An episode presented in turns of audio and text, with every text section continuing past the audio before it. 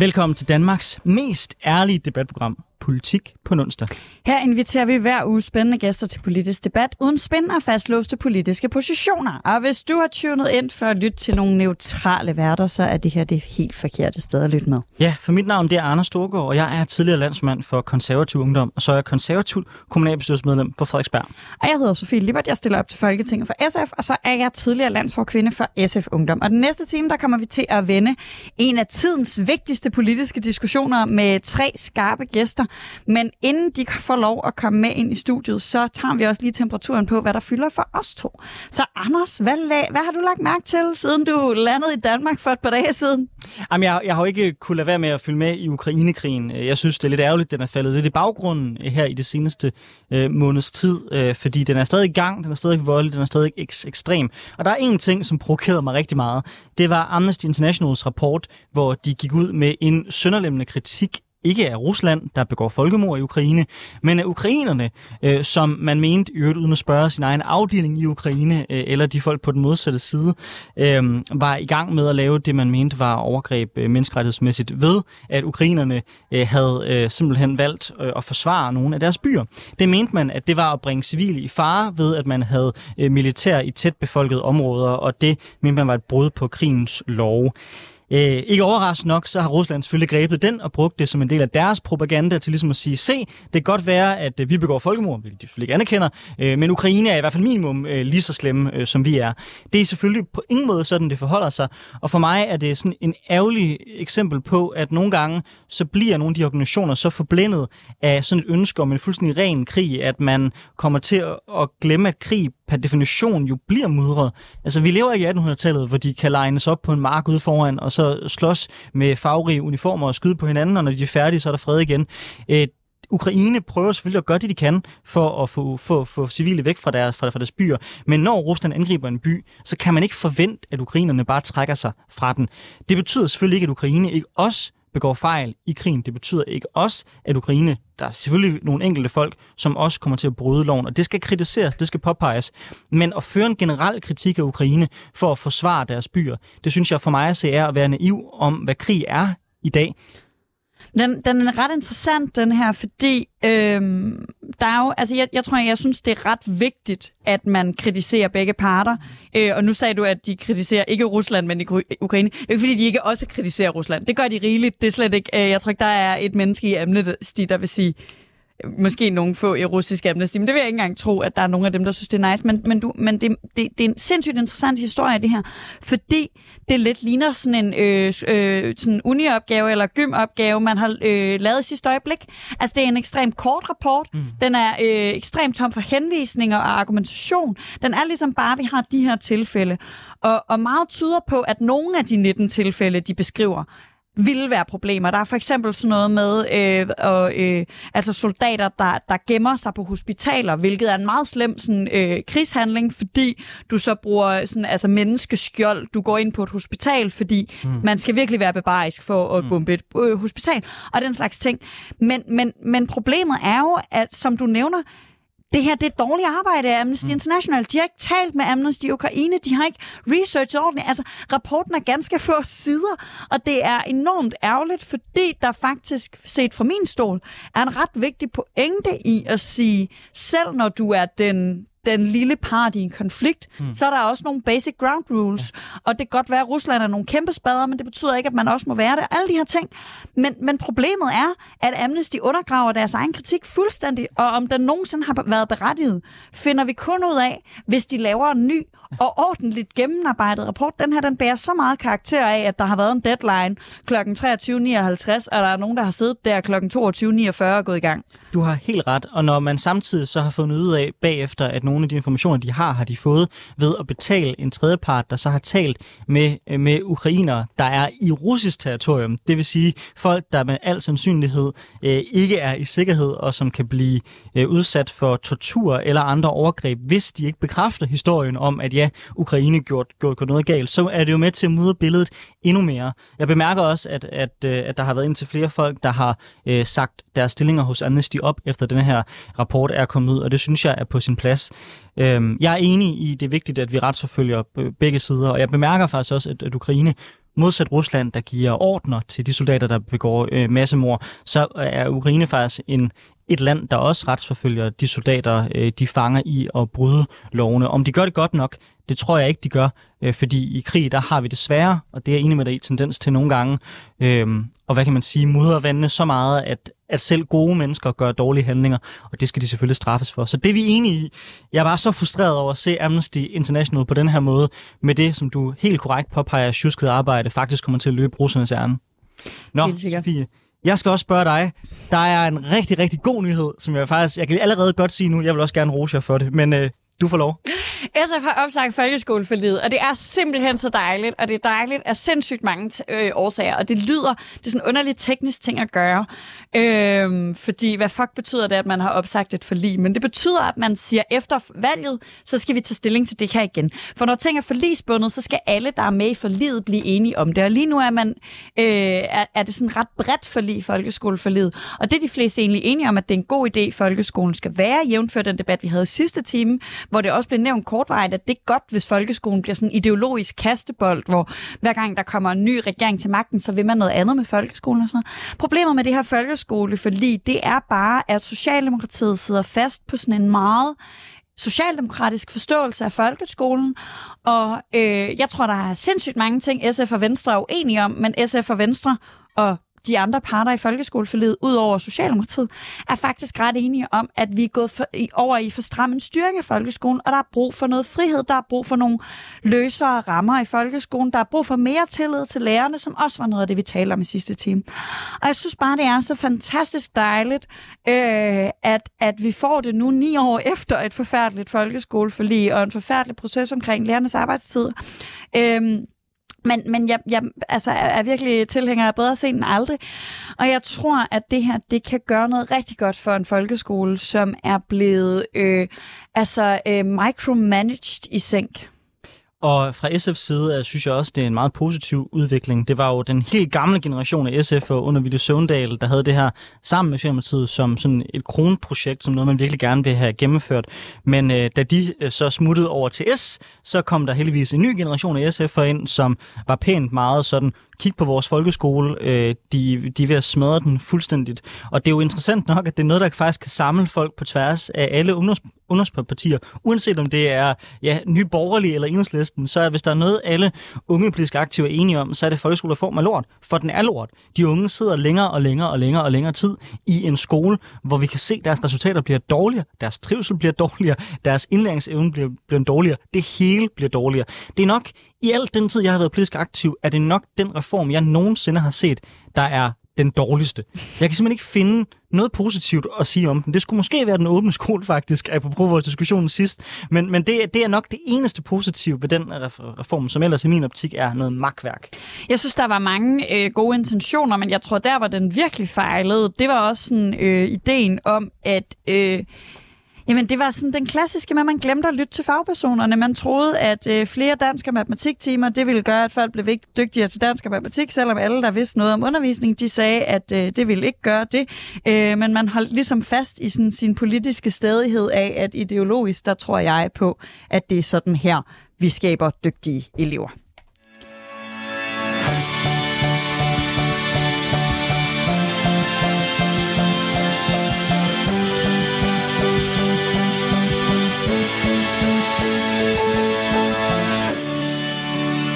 Du lytter til Politik på en onsdag, og vi har fået besøg af tre skønne gæster i studiet, men inden I får lov til at øh, sige hej til dem, skulle jeg til at sige, det er kun mig og Anders, der får lov at sige hej til dem, øh, så vil jeg også lige fortælle jer, at I jo også kan deltage i debatten. Det er nemlig ikke kun folk, der står inde i studiet, der øh, kan få lov at være med i Politik på en onsdag. Det kan I lyttere også, og det gør I ved at downloade 24-7-appen, finde Politik på en onsdag, og det flotte lille pink chat-ikon derinde, der kan I skrive. Hvis I lytter med live, så må I gerne skrive noget direkte direkte til vores gæster. Hvis I ikke lytter med live øh, og er mere en podcast-type, hvilket er super fair, eftersom vi sender 10-12 på en hverdag, så øh, kan man jo sjovt nok ikke stille spørgsmål direkte til vores gæster, men man er meget velkommen til at komme med gode idéer til, hvad vi skal snakke om i næste uge. Og her i studiet, der har vi ikke bare fået besøg af to skarpe gæster, vi har fået besøg af tre skarpe gæster. Og den første, jeg skal byde velkommen til, det er dig, Astrid Adler. Eller, undskyld, du er, til, du er med med Teknik- og Miljøudvalget i Københavns Kommune. Du kender the drill. Vi spørger altid folk ind til, hvad har fyldt noget for dem i ugen, der er gået. Så når du så kigger ud på dansk politik, hvad har så været det, der er faldet i øjnene for dig? Øhm, det har nok været Venstres boligudspil, som, som jeg synes var en... Øhm, jeg ved ikke, om jeg vil kalde det en skuffelse, fordi jeg havde måske heller ikke sådan forventet noget, jeg synes var sådan super godt. Men jeg tror, jeg er rigtig ærgerlig over, at man laver sådan et milliardudspil, øh, som kun har fokus på at lave sådan, øh, kan man sige, skatte, skatterabatter for nogle af de mennesker, der nok alligevel vil komme til at købe boliger, og som ikke ligesom gør noget, som rent faktisk kommer til at give flere mennesker en mulighed for at få en bolig. Tror du ikke, at det kommer til at give nogle flere mennesker mulighed for at få bolig? Altså, det giver jo trods alt mulighed for at kunne spare nogle penge op, øh, som er beskattet på en anden måde. Så selvom der kan være mange ting at kritisere udspillet for, så er det vel et forsøg på, fra venstre side på rent faktisk at prøve at pågribe den her problematik. Er det ikke bedre, end det vi ellers har set fra det borgerlige Danmark, som jo ikke lige frem øh, har sådan væltet ud med forslag til, hvordan man løser den her problematik. Hvis, hvis, jeg, bare hvis, hvis jeg nu skal være en lille smule hård mod, mod min egen blog. Ja, ja, altså man kan sige, at Detektor har talt med 12 forskellige eksperter, både øh, altså hen over bankerne og, mm. og universiteterne, og de siger sådan med en rimelig sådan klar stemme, de mennesker, der kommer til at kunne bruge den her skatterabat til at købe bolig, det er folk, der alligevel havde kunne købe en bolig. Fordi hvis du kan spare 50.000 kroner op om året, så kan du også godt få et lån til en bolig. Øhm, så, så man kan sige, så kan det være et spørgsmål om, kan, kan folk så købe en bolig to år tidligere? Hmm, måske, men, men den primære ting, der kommer til at ske med det her forslag, det er, at førstegangskøberne får flere penge mellem hænderne, mm. og det kommer til at betyde, at priserne på de billigste boliger kommer til at stige. Så jeg mangler bare ligesom at se, hvordan det rent faktisk hjælper på det boligmarked, vi har lige nu, som er fuldstændig ekstremt. Jeg tænker, at, at nu hvor vi står og snakker om et venstreudspil, så øh, ville det næsten være synd ikke at lade dig, Louise Thomsen, være den næste, vi øh, byder velkommen til. Du er nemlig medlem af Venstre og sidder i borgerrepræsentationen og teknik- og miljøudvalget sammen med Astrid, som er medlem af SF. Det tror jeg ikke, vi fik sagt før. Øh, hvad synes du om det her udspil, som øh, dit parti er kommet med? Jeg synes, det er et fantastisk udspil. Jeg synes, det er skønt, at der endelig er nogen, der begynder at snakke om ejerboliger. Altså de sidste mange år, især op til kommunalvalg, der har vi bare snakket alment, alment, alment. Og det synes jeg er en skam, når vi kan se, at langt de fleste danskere drømmer om at eje en bolig. Så synes jeg også, at vi har et ansvar for ligesom politisk at prøve at gøre noget ved det. Og i København, der er vi jo en af de kommuner, der har den færreste andel af, af ejerboliger. Så derfor synes jeg også, at vi har et ansvar for at, at prøve at få den øh, del op. Og man kan sige, at det her det handler jo ikke kun om at prøve at give førstegangskøbere en hjælpende hånd. Det handler også om at få nogle flere ejerboliger, få udbuddet op. Og hvis vi kan være med til at få udbuddet op, så kan vi jo forhåbentlig også være med til øh, at få prisen ned. Og et af de redskaber, jeg synes er rigtig gode, Venstre foreslår, det er, at vi fra kommunal hånd skal kunne sætte en, øh, en andel, altså en procent, når vi bygger nye områder og siger, okay, den her andel skal være ejerboliger, ligesom vi i dag kan gøre med almene boliger. Så jeg synes, det var et fantastisk udspil. Endelig er der nogen, der snakker ejerboliger. Det har jeg ventet på. Jeg sidder ikke i teknik- og miljøudvalg, så, fordi den, den er interessant, den her med at give lov til at stille krav til det her. Fordi mit indtryk er egentlig, og nu skal jeg passe på, at jeg ikke lægger ord i munden på Astrid, men at vi alle sammen synes, at de der private lejeboliger, det er de mindst nice boligtyper. Ja. Altså vi, vi vil alle sammen helst have, at man ejer, eller at man har noget, der er til at betale. Det der med bare at kaste mange, mange tusind kroner i en eller anden øh, leje, øh, en eller anden gigant, der lejer min bolig ud, det er der ikke nogen af os, der rigtig, altså på, på, på det personlige plan, synes er den fede boligform. Har I ingen muligheder som kommune for at, for at begrænse altså for, for, for at justere på det her, for at uh, få bygget færre af de her boliger, som ingen af os rigtig synes er de fedeste boliger som I bygger virkelig mange af i København og i Aarhus. Ja, selvfølgelig bygger vi mange boliger. Der bor rigtig mange mennesker i København, og der kommer rigtig mange til København. Man kan sige, at i dag har vi jo primært øh, mulighed for at bestemme, hvor mange øh, dele af det, vi bygger, der skal være alment. Og problemet er jo også, hvis vi sætter en stor del til at være alment, så gør det jo også bare ofte, at det private så bliver endnu dyrere, på grund af, mm. så skal boligejerne, bygherrerne, de skal have deres penge hjem på en anden måde, samtidig bliver udbuddet mindre. Så det, vi i høj grad kan regulere i dag, det er jo det almene, og derfor synes jeg, det er utrolig vigtigt, at vi begynder også at kigge på det private, og især ejer og ikke kun leje. Altså, jeg, jeg vil faktisk gerne også rose øh, jeres øh, udspil. Jeg prøvede også lidt øh, ironisk mm. at gøre det før, men jeg synes, det er positivt, at borgerlige spiller ind i den her diskussion. Men Louise, er sandheden ikke, at hvis man for alvor vil gøre noget ved det her emne, så er der altså en elefant i rummet, man er nødt til at tage fat på, nemlig øh, beskatning af vores boliger, øh, hvor det i dag er meget uforholdsmæssigt øh, attraktivt at investere i boliger, øh, fordi at det er fuldstændig skattefritaget på nær selvfølgelig grundskyld og ejendomsskatter. Er, der, er det der brug for? Er det i virkeligheden ikke, at vi omlægger øh, vores skattesystem sådan, så det vi beskatter, det er profitten ved en salg? Det er vel det, der er løsningen, hvis vi for alvor skal dæmme op på de problemer, der er på, på boligmarkedet, selvom det ikke er særlig populært som borgerlig at gå rundt og sige. Ja, det vil jeg sige, det, det synes jeg ikke nødvendigvis, at det er. Altså generelt synes jeg jo, at skatterne øh, er for høje i Danmark. Men du kan godt have den samme mængde skatter, du sikrer bare, at skatten den er på salg, Altså det kan godt være, at der også vil være noget at gøre på det her område, men det synes jeg ikke ændrer på, at det udspil, som Venstre er kommet med, er rigtig godt, og vi kigger så på noget andet. Vi kigger jo i høj grad på udbuddet, og, og vil gerne sikre os, at vi ligesom kan få nogle flere ejerboliger. Men jeg spørger dig, fordi alle økonomer peger netop på, mm. at den eneste måde, du kan gøre noget ved det problem, det er ved at se på selve beskatningen af bolig. Så kan de tiltag lavere være fine nok, men... men... Altså jeg vil sige, jeg tror ikke, jeg nødvendigvis er bare sådan 100% afvisende for, at man også kunne kigge på det her. Men igen, så vil jeg også bare understrege, at det ændrer jo ikke ved, at det her det også kan være med til at afhjælpe på en af problematikkerne, fordi selv hvis vi ændrede på skattereglerne i forhold til boliger, så vil det jo ikke ændre noget på, at det udbud, vi har, er for lille, og særligt i København, hvor det kun er omkring 20 procent, der ejer boliger. Og den sidste, jeg skal byde velkommen til, det er dig, Julie Lindmann. Du er forkvinde for Danske Studerendes Fællesråd. Velkommen til. Mange tak. Hvad har du lagt mærke til i ugen, der er gået? Øh, ja, jeg synes, Velkommen det, tilbage fra ferie. Jo, mange tak. Øh, jeg synes jo, det er svært. Altså, der er jo virkelig bare sådan lidt valgstemning, og folk er kommet tilbage på ferie, og udspil kommer lidt i øst og vest, så det er jo virkelig svært, men hvis man skal tale om noget helt andet, som ikke er udspil og bare prøve, så synes jeg, at vaccinesnakken og abekopper for eksempel har været virkelig spændende, at vi er gået lidt tilbage til at snakke. Nu har vi snakket rigtig meget corona og vacciner og vaccinestrategier, og nu synes jeg, det er spændende, at vi står overfor en Pride lige om lidt, og vi kan se, at der er en gruppe, der den her sygdom rammer mere end andre. Hvad gør vi egentlig? Og er vi klar til igen måske at øh, håndtere en sygdom, hvis man lige skal snakke lidt udenom boligboblen? Mm. Ja, det, det er jo en, en enormt interessant øh, sag, fordi vi var så hurtige til at gå efter mest udsatte grupper, da det var coronavaccine, og det har taget ret lang tid og ret meget råben af ministeren, men man er faktisk nået dertil nu, hvor man tilbyder, øh, og det, altså det er primært øh, mænd, der har sex med mænd, som er blevet ramt af, af den her abekoppevirus, i hvert fald i Europa og i Danmark, øh, og derfor har mange i LGBT-organisationerne, sådan, øh, og også bare sådan individuelle mænd, der har sex med mænd, råbt på, om ikke, ikke de kunne få en, en øh, hvad hedder det, en vaccinestrategi, der indebar øh, bare dem. Hvad, hvad tror du, Julie, altså sådan bevæger, er det her en debat, der, der fortsætter, eller er vi done nu? Altså, fordi nu har de, får de en vaccine, så er alle glade. Øh, altså, det er ikke fordi, jeg har forventet, at du skal spå om, hvordan abekopper spreder sig, tak. men er det her sådan en større politisk debat, der venter, tror du? Jeg tror lidt, det er en større politisk debat. Jeg tror også, hvor hurtigt tør man gribe ind, og hvordan, hvordan tilgår man sådan nogle samtaler? Hvorfor er det sådan lidt ømtåligt, at vi taler udsatte grupper, når det lige pludselig handler måske om seksualitet i stedet for aldersgrupper, og at vi står over for en pride lige om lidt, og jeg tror virkelig, nu har vi lige stået over for en pandemi, der har, vi er nok ret trætte af at tale om vacciner og viruser, lad os være ærlige, men jeg tror, det er en debat, vi er nødt til at fortsætte, og rose ministeren for, at de nu faktisk har grebet ind. Men er det tidsnok, det må vi jo så se. Det er i hvert fald øh, nogle spændende debatter. Øh, nu øh, bevæger vi os desværre væk fra, fra vaccinesnakken igen og tilbage til noget, der også handler en del om boliger.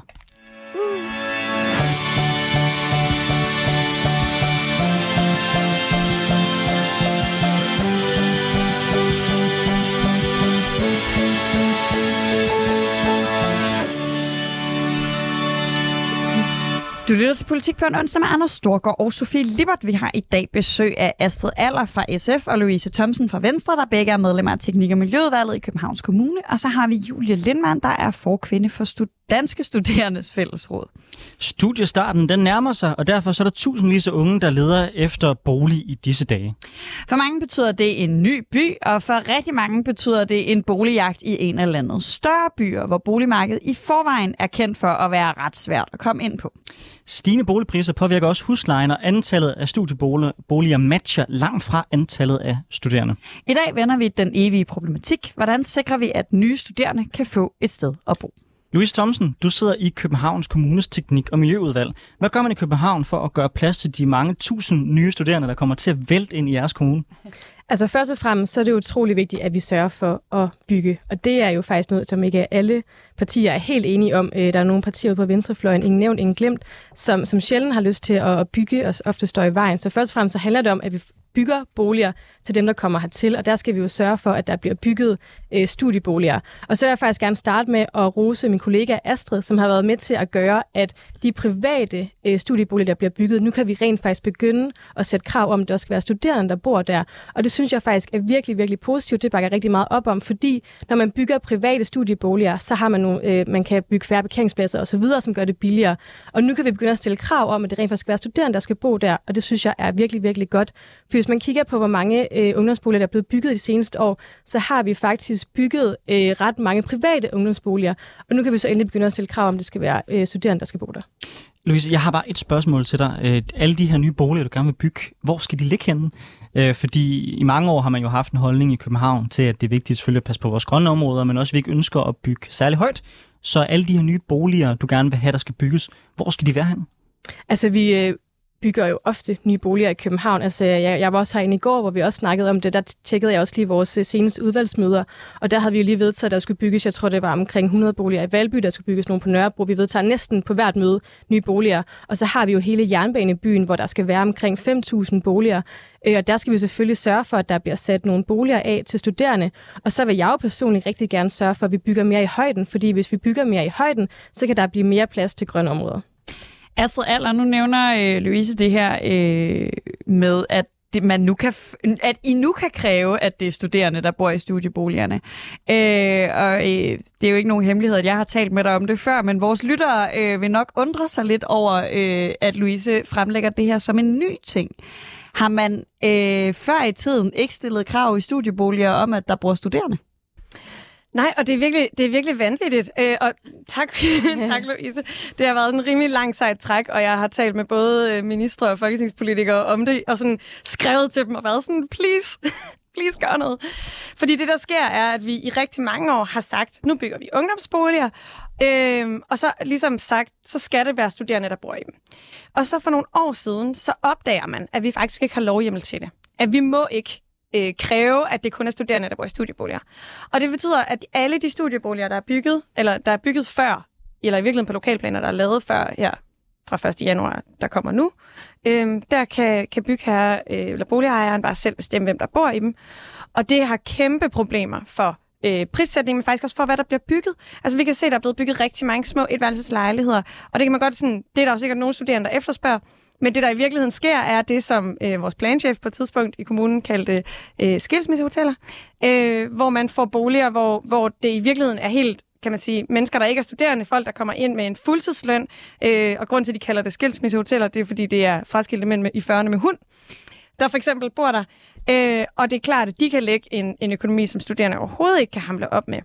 Øh, og så man kan sige, at vi bygger over de her boliger mindre. Vi tillader mindre boliger, end vi ellers tillader, fordi vi siger, det er okay, at man bor i noget, der er meget småt, når det kun er en periode. Hvis alle mulige mennesker begynder at bo i studieboliger i hele deres liv, så begynder vi at, at risikere, at vi faktisk får lavet nogle boliger, der i, i længden er sundhedsskadelige, og det kan vi ikke, øh, det kan vi ikke byde nogen øh, i et helt liv.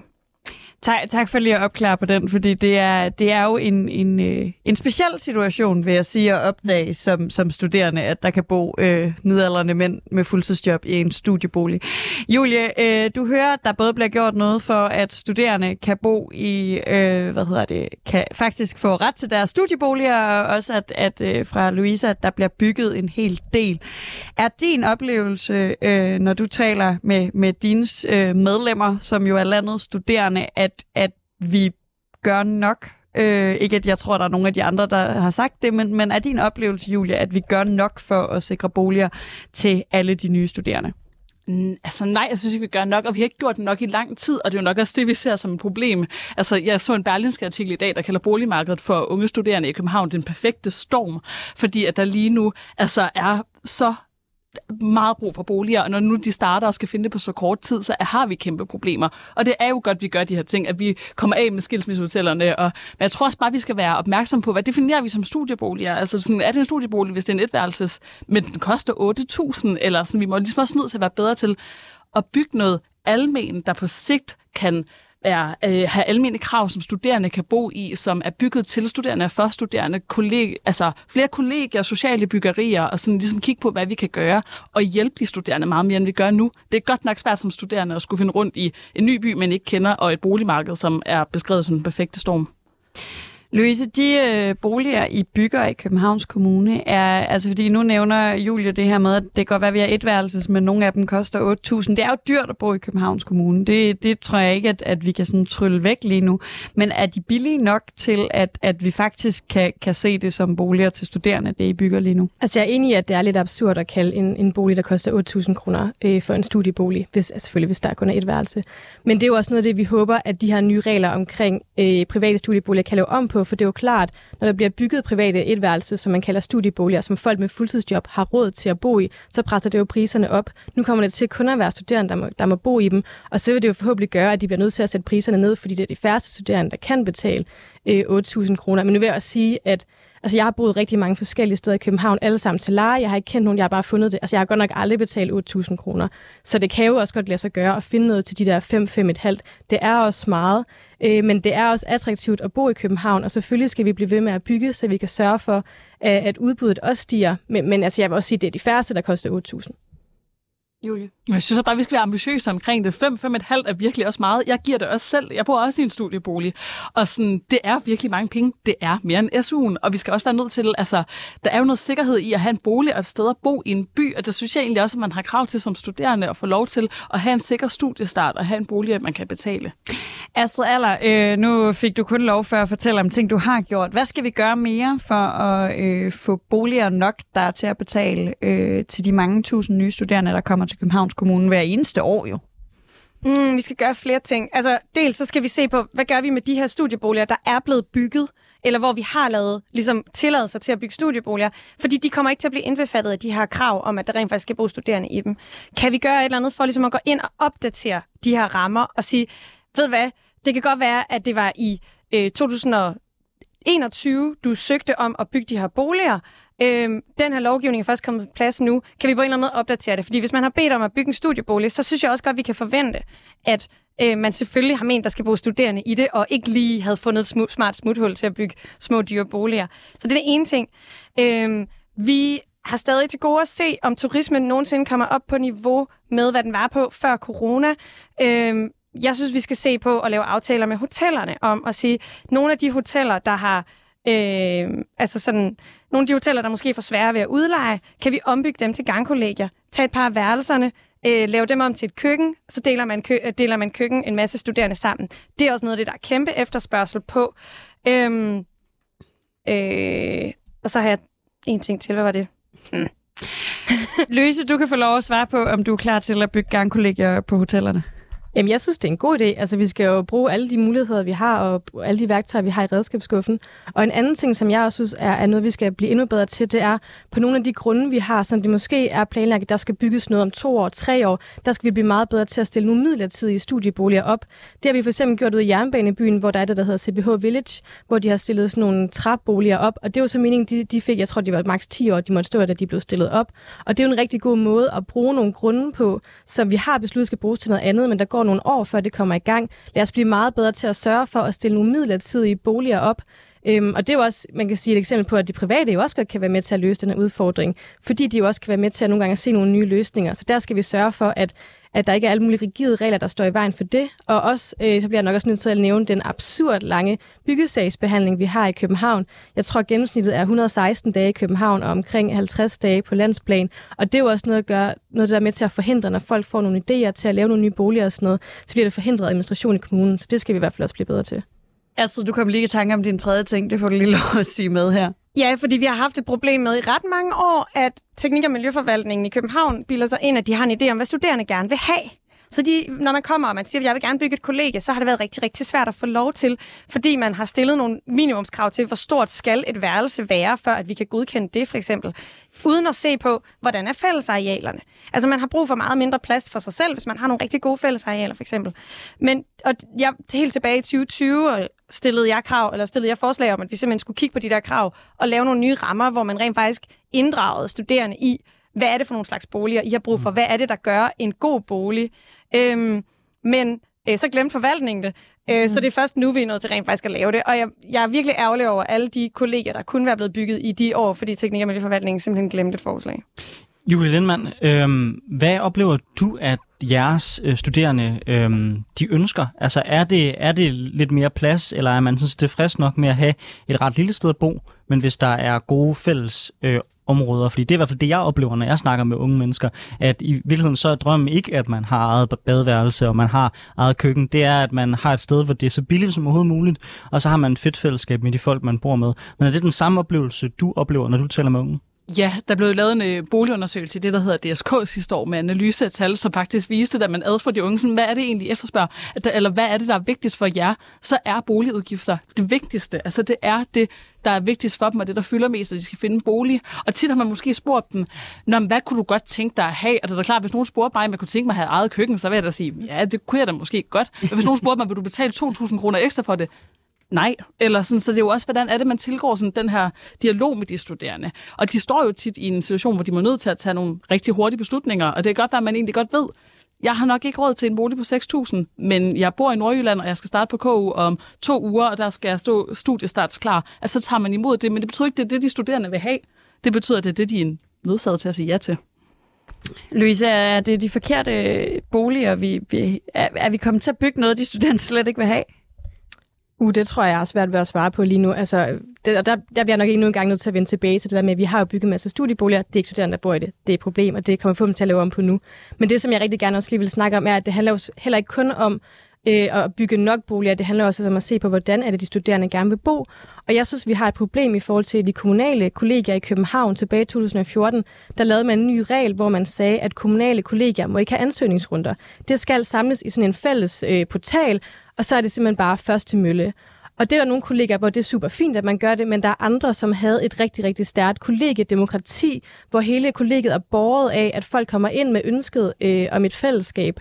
Og der synes jeg bare, det er sindssygt ærgerligt, at man nu ser nu, at det fællesskab, det er gået i stykker mange steder, fordi folk kommer ind, de er jo selvfølgelig, nogle er selvfølgelig desperate, og så ønsker de egentlig ikke til at være en del af fællesskabet, skal bare tage over hovedet.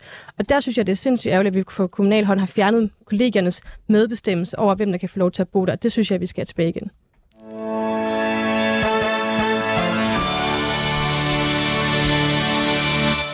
Lytter til Politik på en onsdag med Anders Storgård og Sofie Libert, hvor vi har besøg af Astrid Aller fra SF, Louise Thomsen fra Venstre, og de er begge to medlemmer af Teknik- og Miljøudvalget i Københavns Kommune. Og så har vi også besøg af Julie Lindmann, der er forkvinde for Danske Studerendes Fællesråd.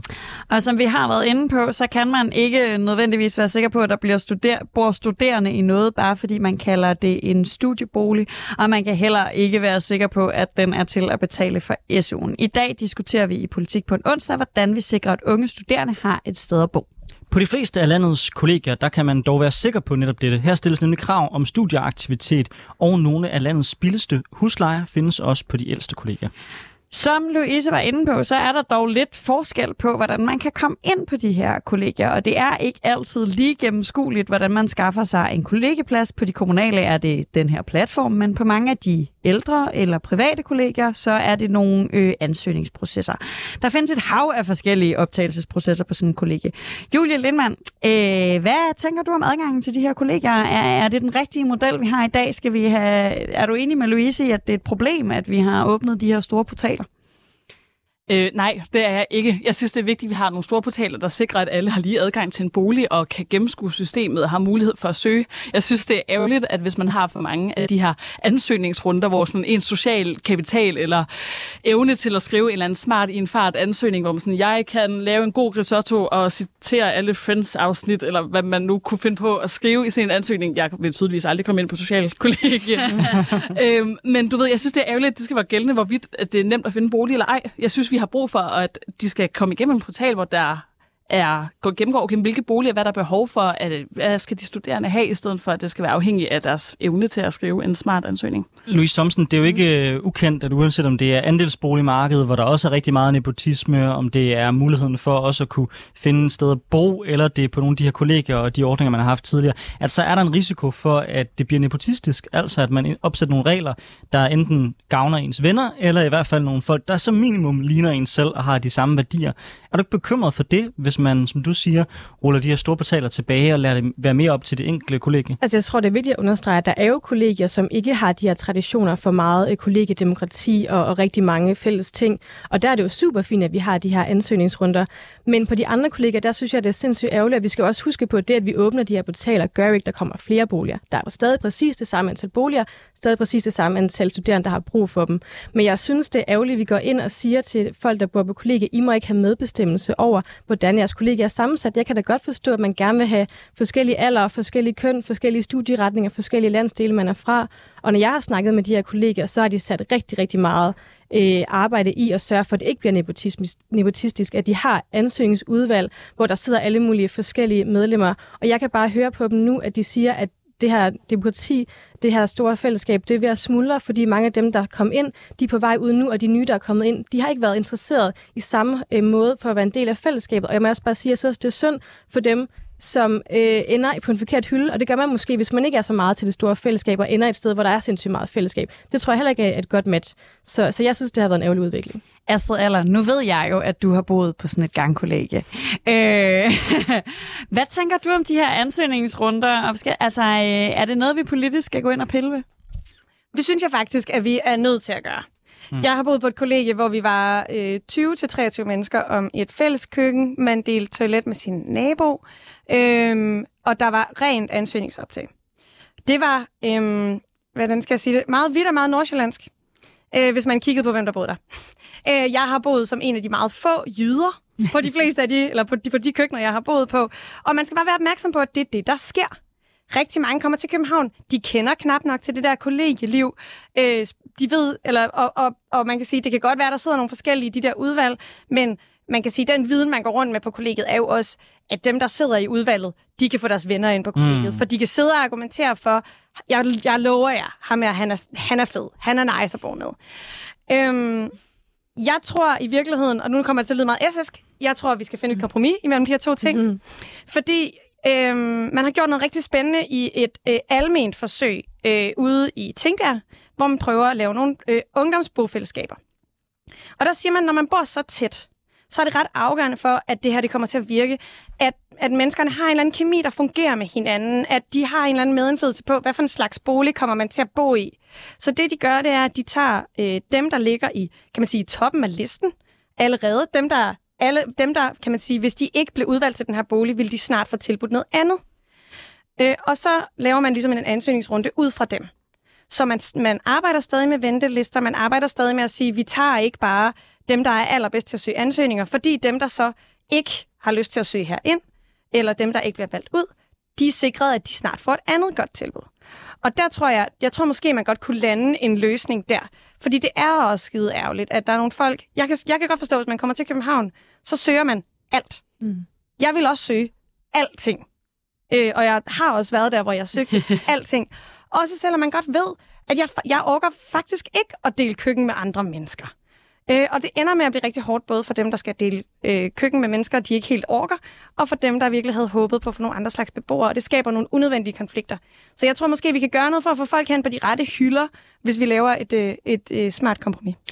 Øhm, Louise Thomsen, hvad synes du om det kompromis, der bliver foreslået her fra Astrid Aller? Fordi jeg kan kun give Astrid ret i, at det der, hun beskriver, det foregår. Øh, jeg oplevede det i Aarhus. Øh, jeg, gik, eller jeg boede på Universitetskollegiet. Fantastisk sted.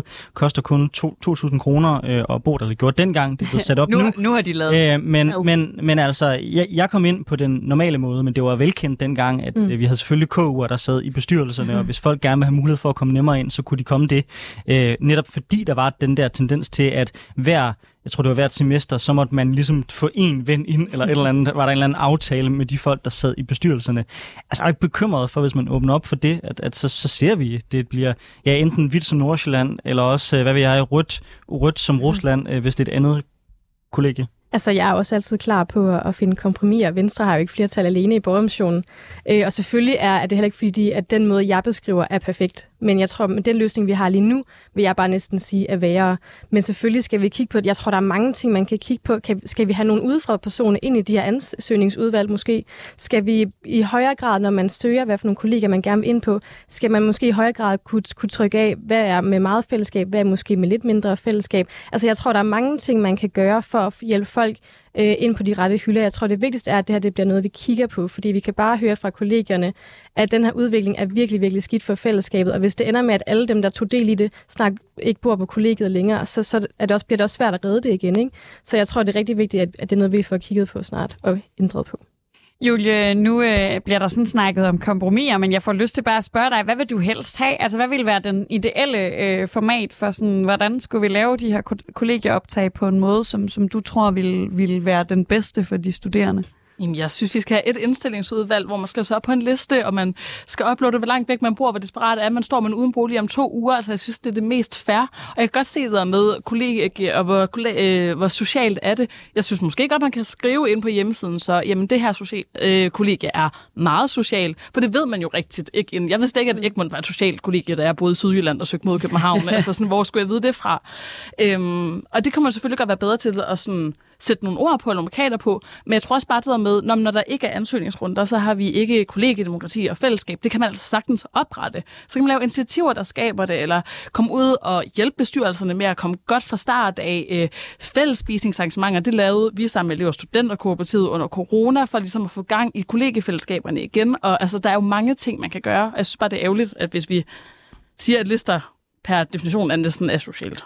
Julie Lindmann, hvor langt vil du gå for at, for at sikre den der lige adgang? Fordi vi har jo for eksempel, øh, jeg ved ikke, hvor mange lytter, der kender til det, men 4. maj-kollegiet, som er kollegiet, der er reserveret øh, til, øh, til folk, hvis, hvis forfædre var frihedskæmper, og som har sådan en identitet forbundet med det. Vil du gå ind og så tvinge sådan kollegiet til, at de ikke øh, gør forskel på folk?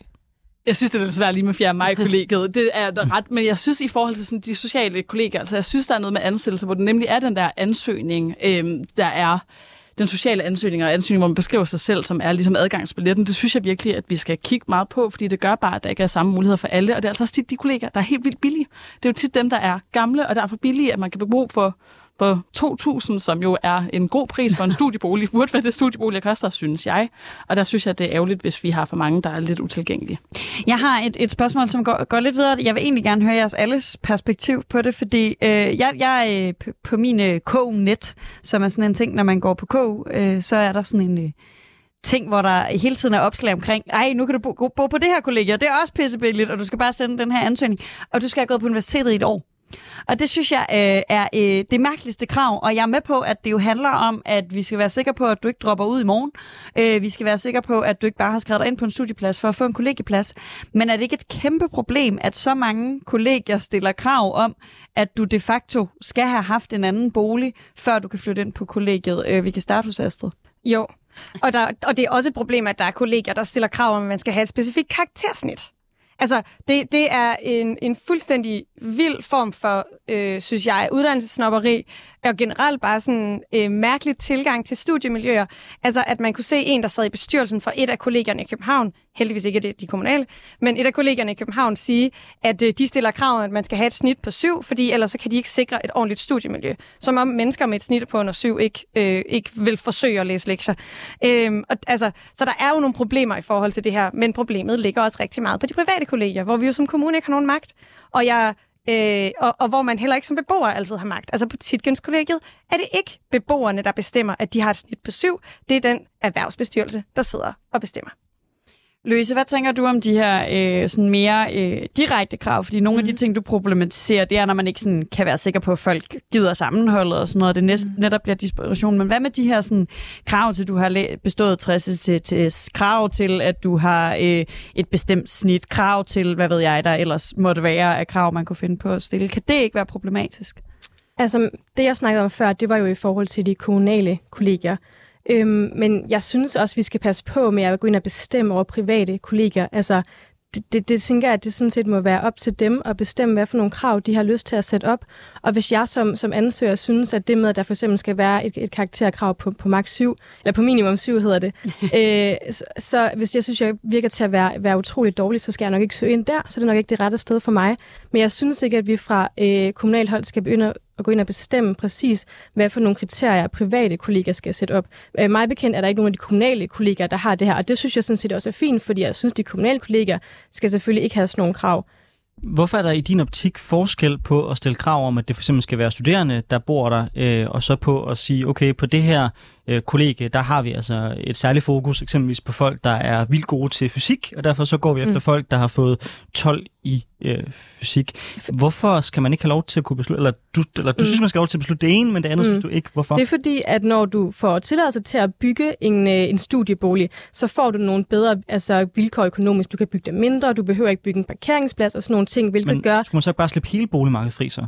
Jamen, jeg synes, det er fint nok, at vi kan sige, okay, de her boliger skal være målrettet studerende. Du skal også nødt til igen at huske på, det at vi fjernede adgangskravet for eksempel, vil jo ikke gøre, at der kommer flere studieboliger. Det er stadig præcis de samme studerende, der skal have nogle studieboliger.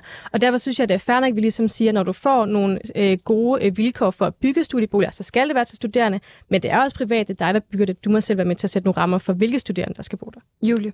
Jeg synes godt, vi må sætte krav. Vi har lige snakket om, hvordan vi desperat mangler boliger til studerende, så synes jeg også, det er ærgerligt, at man begynder at lave en hel masse krav. Og vi ved, at frafaldet er mindre, hvis man bor i en stabil bolig, og det synes jeg, at vi ønsker for alle studerende. Men man,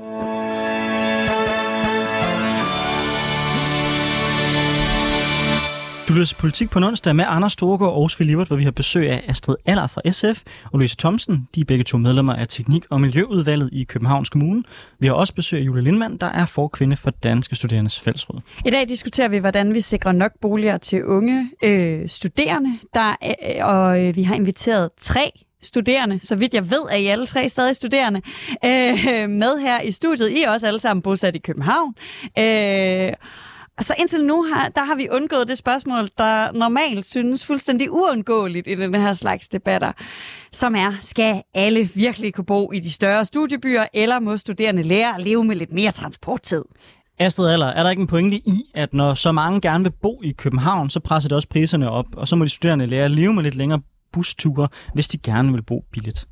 Mm, spørgsmålet er, om det bliver billigere, at du flytter ud af byen. Altså, øh, er, er det meget nemmere at få en studiebolig, hvis du bor i Ballerup for eksempel, hvis du så også skal tillægge den transportomkostning, øh, som der er der. Altså sidste år, for et år siden var der en, øh, en sag, hvor TV2 Løje kørte sådan en pressehistorie. Øh, der er frie boliger i Ballerup, selvom københavnerne skriger på ungdomsboliger. Men boligerne var ikke færdigbygget endnu. De kostede over 4.000 kroner. Du skal regne med en transportomkostning på op imod 700 kroner om måneden, og der er færre timer, du kan bruge på øh, at, at lægge i et studiejob. Så man risikerer en situation, hvor man er lige så økonomisk presset, hvis man flytter ud af byen, som hvis man boede inde i byen. Du anerkender vel, at der er en markant større, eller stor forskel på øh, de priser, der er eksempelvis øh, ude i Vestegnskommunerne, og så de priser, der er på Frederiksberg. Altså, der er en ret stor Ja. ja. økonomisk forskel, og den er også større end det, øh, som, en, som, en, øh, som en fast billet med kollektiv transport koster at komme frem og tilbage. Det anerkender du vel trods alt, at der er en forskel der, ikke? Ja, men hvis du så også begynder at indregne alt, altså alle de timer, så er det måske to timer hver dag, hvor du så ikke kunne være på studiejob, øh, som du så også skal ligesom regne ind oveni, at du ikke kan tjene de penge oveni. Og vi kan samtidig se, at frafaldet stiger. Så vi har bare en situation, hvor man kan sige, at man sætter de studerende i en situation, hvor man siger, at hvis du har mulighed for at bo inde i København, det kræver, at du enten er rig eller heldig. Øh, hvis du har den mulighed, så er sandsynligheden for, at du falder fra dit studie markant mindre, og sandsynligheden for, at du er en del af det sociale fællesskab, er større. Louise Thomsen, som medlem af, af Københavns borgerrepræsentation, hvad tænker du så om, om, om, om det her med, at man, man skal være rig eller heldig for at, at kunne være en del af den her kommune, i hvert fald øh, som, som ung? Altså, jeg er hverken rig eller heldig, tror jeg, og jeg har da boet her i, siden 2017. Øh, kun til leje, kun ting, jeg har fundet på Facebook online. Altså, det kan jo godt lade sig gøre. Nogle gange så føler jeg også, at, at vi gør problemet meget værre, end det er. Vi, altså, alle mine medstuderende bor i København. Øhm, men dermed ikke sagt, at vi ikke skal fortsætte med hele tiden at gøre noget ved det. Vi skal hele tiden sørge for øh, at bygge nogle flere studieboliger. Vi skal sørge for, at det er studerende, der kan bo i boligerne. Øhm, men, men jeg tror også, vi er nødt til at tænke, altså, hvad er alternativet? Øhm, vil det være at begynde at sætte en huslejeregulering? Hvem skal betale det? Fordi vi skal jo også huske på, at studerende, vi er jo også nogle af dem, det gør, at vi ikke har så mange penge lige nu, men vi er nogle af dem, der kommer til at tjene mest over vores liv. Så, så er det måske ikke også fair nok, at vi enten tager et studiejob, øh, og hvis vi ikke mener, at, at det er noget, vi har lyst til, så kan vi måske tage et SU-lån. Altså jeg synes egentlig heller ikke, det er fair, og, og hvis vi for eksempel går ind og siger, at det er kassemedarbejderne og de ufaglærte, og det med korte uddannelser, der skal betale for, at vi kan betale mindre i vores boliger, når det også er os, der kommer til at tjene mest over et langt liv. Så jeg tror også, man er nødt til at tænke på, men hvad er alternativet? Hvad er alternativet, Julie? Studerende har også studiejob. Jeg tror, det er, sådan, det er godt nok langt imellem. Altså som sagt, boligudgifterne koster SU'en for langt de fleste, så det er noget, de allerede har for at få mm. det til at hænge sammen. Og altså, den nye rapport fra Danmarks Almene Boligselskab viser jo også, at der er 14 studerende per almen ungdomsbolig i København og Frederiksberg. I resten af landet er det fire studerende per almen bolig. Så vi har et ekstra stort problem i København. Og jeg synes virkelig, det er vigtigt, at vi giver studerende mulighed for at engagere sig i det sociale miljø på deres uddannelsesinstitution og være en del af det. Jeg ikke skulle tænke på den sidste bus kører hjem lige om lidt, man kunne være en del af fællesskabet og melde sig ind i foreningerne og leve studielivet, være tæt på studiejobs og de muligheder, det giver om at være omkring uddannelsesinstitutionen. Vi ser også ud på DTU, der er et kæmpe kollegefællesskab omkring DTU ude i Ballerup, Lyngby, øh, Nævum, hvad der ellers er derude. De er virkelig velfungerende. Man har skabt et miljø, hvor man er tæt på studiemiljøet, og busserne er lavet efter kollegierne. Altså det er jo det, der er vigtigt, at give dem adgang til studielivet. Astrid, jeg bemærkede, at du nikkede, øh, da, der, da der blev sagt øh, prisregulering af markedet. Hvordan forestiller du dig, at det skulle foregå i praksis? Øh, svært at gøre for kommuner, desværre. Men jeg synes bare, det er interessant, at vi øh, har lejeboliger i København, som er så forskellige i pris, også når man kigger på, øh, hvor store de er, for eksempel. Og det er jo fordi rigtig meget af nybyggeriet, der kommer sindssygt meget investeringskapital ind i det, men de forventer også at få rimelig hurtigt, øh, rimelig hurtigt at få penge tilbage omkring 15 år, for eksempel. Hvis nu man satte en huslejeregulering på det og sagde, I må simpelthen ikke tage mere end, det ved jeg ikke, 4.000 for den her bolig. Øhm, fordi den simpelthen ikke er mere værd end det i forhold til øh, den størrelse og sådan noget, den har, ikke lod markedet bestemme det fuldstændig, så tror jeg stadig, der vil være mange, der gerne vil investere i boliger, men de skulle måske bare lige regne med, at det tog øh, 25 år at få tilbagebetalt den her investering i stedet for. Og det vil måske også være meget sundt, at det så ikke øh, var, var den sådan...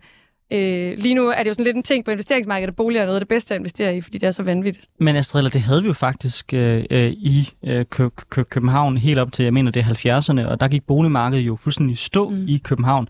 Så er du ikke bekymret for, at det er konsekvensen, hvis du laver alt for rigide regler? Der var mange andre ting galt med København på det tidspunkt, og rigtig meget af det bolig, vi havde, var slum. Og kommunen var også, altså kommunen var en dårlig øh, boligejer også. Noget, noget problemet var jo også, at kommunen ejede en hel masse lejeboliger, som de ikke vedligeholdt. Og det, at man fik gang i at lave andelsboliger, var noget af det, der gjorde rigtig meget.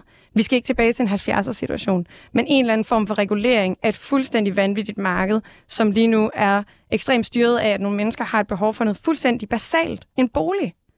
At det, der, det kommer til at være afgørende for, at folk kommer til at sidde og tjene kassen på ikke at gøre andet end egen bolig. Louise, er, er, fordi du, du sagde selv, hvad er alternativet? Mm. Øhm, er, er en del af din løsning også, at, at nogle studerende må, øh, jamen, ikke i Ballerup, men måske bo i Hvidovre, bo i, øh, altså nu snakker vi meget københavner-orienteret, det er fordi de to af, af jer er øh, medlem af Københavns Borgerrepræsentation, og den tredje er jeg også bor her, så det er en nem reference, men mange af lignende problematikker sker i Aarhus. Øh, der hører man bare folk sige, flyt til Randers, øh, mm-hmm. på samme måde som jeg her siger, flyt til Hvidovre. Øh, men, men er en del af løsningen, at, at, at eller er, er det bare et vilkår, at nogle unge øh, ikke får råd til at bo tæt på deres studie? Altså, det er jo et vilkår, at det er sværere at finde en bolig i København, end det er at finde en bolig i Randers, hvor jeg kommer fra. Øhm, og det tror jeg bare er helt vildt svært at, at gøre noget ved. Og det er også derfor, jeg siger, at vi skal blive ved med at sørge for at bygge boliger. Men, men ja, måske så skal du bo lidt langt væk fra dit studie. Måske kan du så komme ind et år efter, at, at du så har, har studeret. Altså, boligmarkedet er svært. Det er svært for mange mennesker. Øh, men, men man kan, for, for det meste, så kan man godt finde en bolig. Det kan godt være, at det er lidt længere væk. Og så kan du måske flytte lidt tættere på, øh, så, øh, når du ligesom har boet her lidt længere tid. Men, men det er svært at få en bolig i København. Altså, det tror jeg bare ikke, vi kan gøre noget ved, fordi huslejeregulering tror jeg bare heller ikke er målet. Fordi hvis det bliver endnu billigere at bo i København, så vil efterspørgselen for at bo her jo bare stige endnu mere. Øh, og vi kan jo også bare se, at den husregulering, der har været før i tiden, gør jo også bare, at der er nogen, der har gamle tanter og, og bedsteforældre, der bor i sindssygt billige lejligheder, som de så kan gå videre i arv og i arv. Så jeg er også bange for, at huslejereguleringen faktisk vil være rigtig dårlig for dem, der kommer udefra og ikke kender nogen, der bor i København. Louise Thomsen, øh, Julie Lindmann og Astrid Aller, tusind tak, fordi I var med i programmet. Det var en rigtig, rigtig spændende og en fantastisk debat, vi havde her.